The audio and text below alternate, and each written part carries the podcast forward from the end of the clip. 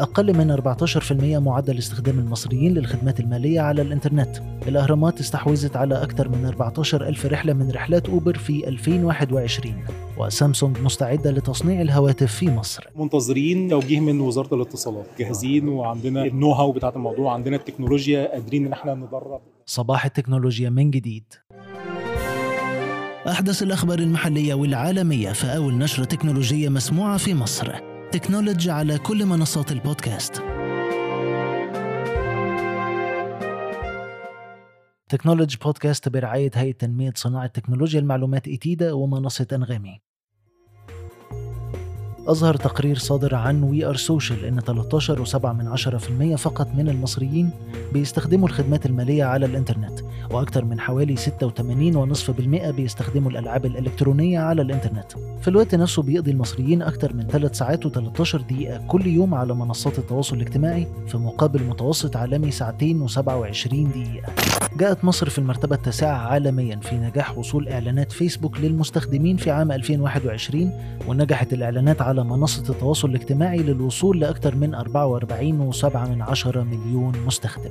شركة أوبر قالت إن أهرامات الجيزة كانت واحدة من أكثر الوجهات السياحية جذبا للرحلات خلال 2021 وكان عدد الرحلات المتوجهة للأهرامات حوالي 14747 رحلة وكانت الزمالك أكثر وجهة للخروج بالليل بعدد رحلات حوالي 700 ألف رحلة خلال السنة الماضية.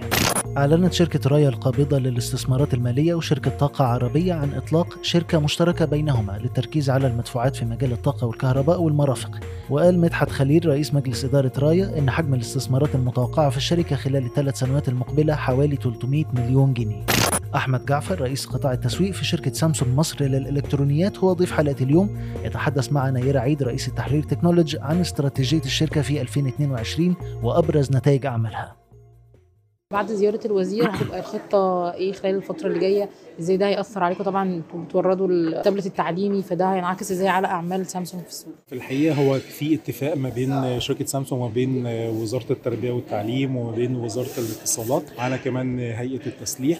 كان تم توقيع الاتفاقية إن إحنا نورد التابلت التعليمي لوزارة التربية والتعليم والمفروض إن شاء الله هيبقى أول إنتاج في عام 22 أول إنتاج تحت شعار صنع في مصر يكون التابلت صنع في مصر إن شاء الله. إحنا بنتكلم في في حدود ال 700 ألف تابلت وطبعا إحنا عندنا production capacity أو عندنا استيعاب للإنتاج أكتر من كده ممكن يوصل لمليون ونص. نسبة المكون المحلي يعني في حدود ال 50% إحنا بنتكلم في مصنع شاشات كنا بنتكلم في استثمار 370 مليون دولار. المصنع الثاني إحنا عملناه بالنسبة للتابلت 30 مليون دولار.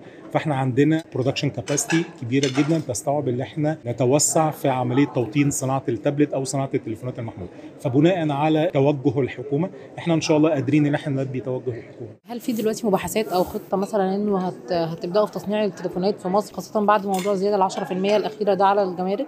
هو إحنا منتظرين يكون في توجيه من وزارة الاتصالات. إحنا بالنسبة لنا إحنا جاهزين وعندنا ال know-how بتاعه الموضوع عندنا التكنولوجيا قادرين ان إحنا ندرب العمالة المصرية عليها. إحنا أكبر مصدر في المجال الإلكتروني مجال التكنولوجيا. إحنا في الوقت الحالي الشاشات بتاعتنا بنصدرها لحوالي 36 دولة الشرق الأوسط وشمال أفريقيا. إحنا كنا في 1 2022 كنا بنحتفل بإنتاج 15 مليون شاشة. نسبة التصدير فيهم من 80 ل 85% النسبة الباقيه اللي هي من 15 ل 20% هي للسوق المصري. الأزمة الأخيرة بتاعة السيمي كوندكتورز مأثرة عليكم إزاي؟ هل هتساهم مثلا في زيادة أسعار التليفونات بتاعة سامسونج عموما بره وبالتالي في مصر؟ بالنسبة لموضوع ال semiconductors هو السيمي كوندكتورز دوت هو أسمى على العالم كله. هو مش سامسونج بس أو صناعة الإلكترونيات بس لا ده هو حتى مأثر على مجال العربيات مأثر على مجالات كبيرة جدا.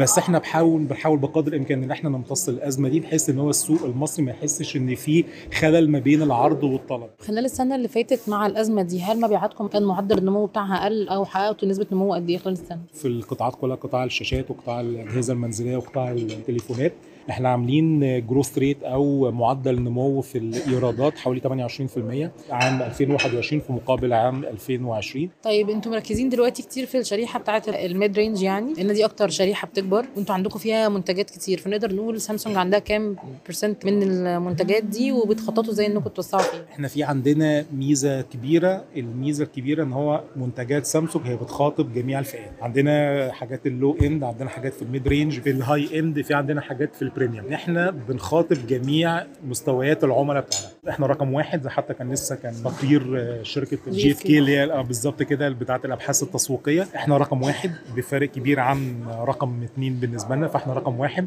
على مستوى ال- الموبايل بيزنس في مصر كلها. ما زلنا مع سامسونج ولكن على المستوى العالمي اللي نجحت الشركة في تحقيق نتائج قياسية رغم صعوبات سلاسل الإمدادات ونقص الرقائق واستمرار الجائحة. فجمعت إيرادات حوالي 232.4 مليار دولار وأرباح بلغت 51.63 من المية مليار دولار أمريكي خلال عام 2021 وكالة Brand Finance قالت إن قيمة العلامة التجارية ل 50 شركة تكنولوجيا عالمية بلغت 1.4 تريليون دولار قيمة العلامات التجارية. جاءت تيك توك العلامة الأسرع نموا بنسبة 215% وتصدر قائمة أفضل 10 مديرين تنفيذيين في عام 2022 ساتيا ناديلا تفاصيل أكتر في graph العدد. شركة Chainalysis للأبحاث واللي أعلنت أن مجرمي الإنترنت قاموا بعمليات غسيل أموال في العملات الرقمية خلال الخمس سنوات الماضية بقيمة 33 مليار دولار. دراسة حديثة صادرة عن الشركة قالت أن حوالي 17% من إجمالي عمليات غسيل الأموال المسجلة في العام الماضي توجهت إلى تطبيقات التمويل اللامركزية. قفزت إيرادات خدمات أبل زي بث الموسيقى والألعاب عبر الإنترنت خلال الربع الأخير من 2021 بنسبة بلغت 24% لتسجل 19.5 مليار دولار كما بلغ إجمالي عدد المشتركين في الخدمات المدفوعة 785 مليون مشترك وحققت الشركة الأمريكية نمو كبير في المبيعات بنسبة 11% لتسجل 123.9 مليار دولار في الربع الأول من سنتها المالية المنتهية في شهر ديسمبر. دعت بريطانيا الشركات الكبرى إلى تعزيز دفاعاتها في مواجهة هجمات إلكترونية روسية محتملة. وسط مخاوف عالمية من إصدار الرئيس الروسي فلاديمير بوتين أوامر لقواته بضم جزء آخر من الأراضي الأوكرانية لبلاده. توقعت ميتا في مقال منشور على تكنولوجي إن عام 2022 سيركز على توجهات اجتماعية أساسية على منصات الشركة أهمها التعاون بين مبتكري المحتوى ومفهوم التجارة الإلكترونية الشاملة. بمناسبة الحديث عن ميتا أيضا مشروع العملة الرقمية الخاص بفيسبوك في سبيله للانتهاء. بعد إعلان الجمعية التي تحمل اسم ديم أنها تبحث عن شركة للاستحواذ على أعمالها وأصولها والمبرمجين العاملين بها. ستشهد المملكة العربية السعودية من 1 إلى 3 فبراير المقبل مؤتمر التكنولوجيا ليب بمشاركة أكثر من 350 متحدث من 80 دولة و700 مبتكر وشركة ناشئة حول العالم. تكنولوجي بودكاست برعاية هيئة تنمية صناعة تكنولوجيا المعلومات إتيدا ومنصة أنغامي. أخبار أكثر على تكنولوجي dot news